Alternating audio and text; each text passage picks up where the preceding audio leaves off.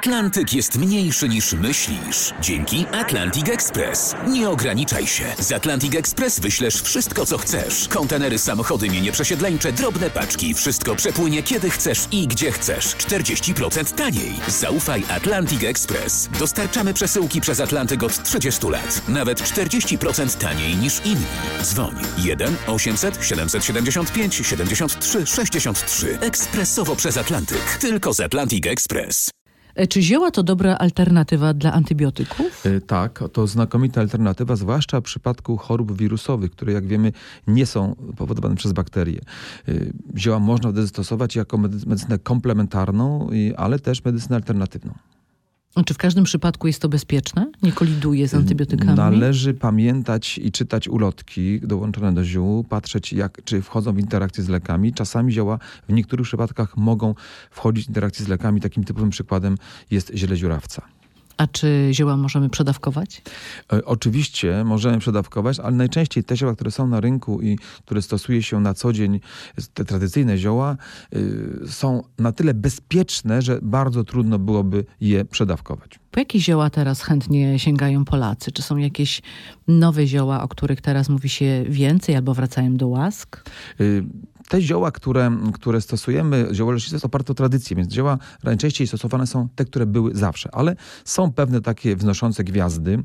Y, Na przykład taką wznoszącą gwiazdą jest korzeń y, piwoni białej, który jest stosowany w chorobach autoimmunologicznych i ma coraz więcej pozytywnych opinii, nawet badań naukowych.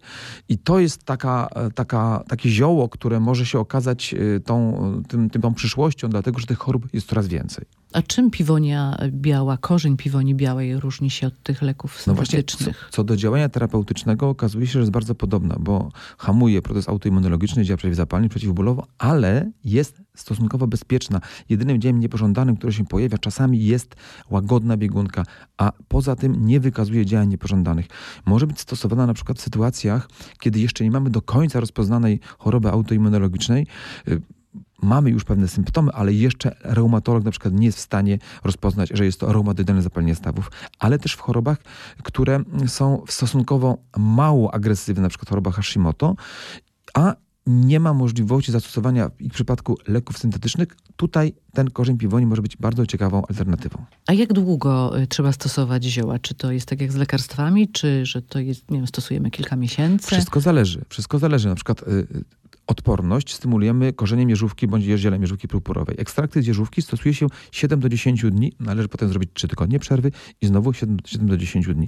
Natomiast w innych surowcach zielarskich można je stosować przewlekle. Taka zasada chińskiej medycyny mówi 90 dni, czyli 3 miesiące i potem przerwa.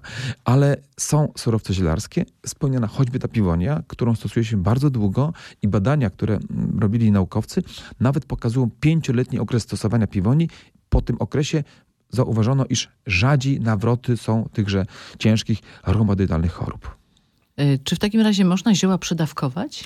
Można. A które? Takie można, są jeżeli- niebezpieczne? y, Znaczy, Oprócz dziurawca, o którym pan mówił. Znaczy, każde zioło, jeżeli poda się w bardzo dużej ilości, może powodować jakiś niepo- niepożądany efekt. Na przykład korzeń lukrecji, gdy będziemy stosować długo, przewlekle, w dużych dawkach, może powodować zbyt duży, zbyt duży ubytek potasu w naszym organizmie. I to może powodować wpływ, może mieć wpływ na choroby serca. Możemy zastosować zbyt duże dawki miłożębu japońskiego i powodować to, iż będziemy mieć zwiększoną krzepliwość, zmniejszoną krzepliwość krwi i krwotoki. Więc trzeba pamiętać nawet o takich surowcach, y, już nawet nie zielarskich sensu stricto, ale, ale spożywczych jak czosnek. I czosnek połączony z pewnymi lekami, które obniżają krzepliwość, może również być stosunkowo niebezpieczny. Więc trzeba mieć wiedzę, trzeba edukować się z ziołolecznictwa, trzeba czytać ulotki, dlatego że pewne produkty mogą mieć wpływ na to, co my zażywamy jako pacjenci. A czy są zioła, które y, nas y, odmłodzą?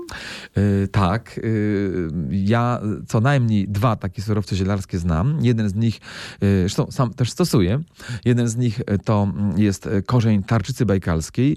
Surowiec zielarski znany bardzo yy, w medycynie chińskiej, ale zaadoptowany przez medycynę europejską ze względu na swoje właściwości znakomite. Tenże korzeń tarczycy bajkalskiej rzeczywiście jest w stanie dodać nam energii i spowodować, iż nie tylko nasza skóra będzie wyglądała ładniej, ale też będziemy się czuć młodziej. A drugim takim surowcem jest ekstrakt ze skórek ciemnych winogron, który jest bogaty w substancje o nazwie resveratrol. Resveratrol jest jednym z najlepiej przebadanych naukowo e, surowców e, roślinnych. E, bardzo go lubią kardiolodzy, bardzo, bardzo go lubią onkolodzy. Pamiętać należy też tylko o tym, żeby resveratrol stosować w postaci podjęzykowych kropelek, bądź w, te, w takiej formie, nie podawać go jakoś w dużych dawkach w kapsułkach, bo wtedy troszkę inaczej działa. A skoro mówimy o odmłodzeniu, a mm, zioła, które odmłodzą nasz mózg?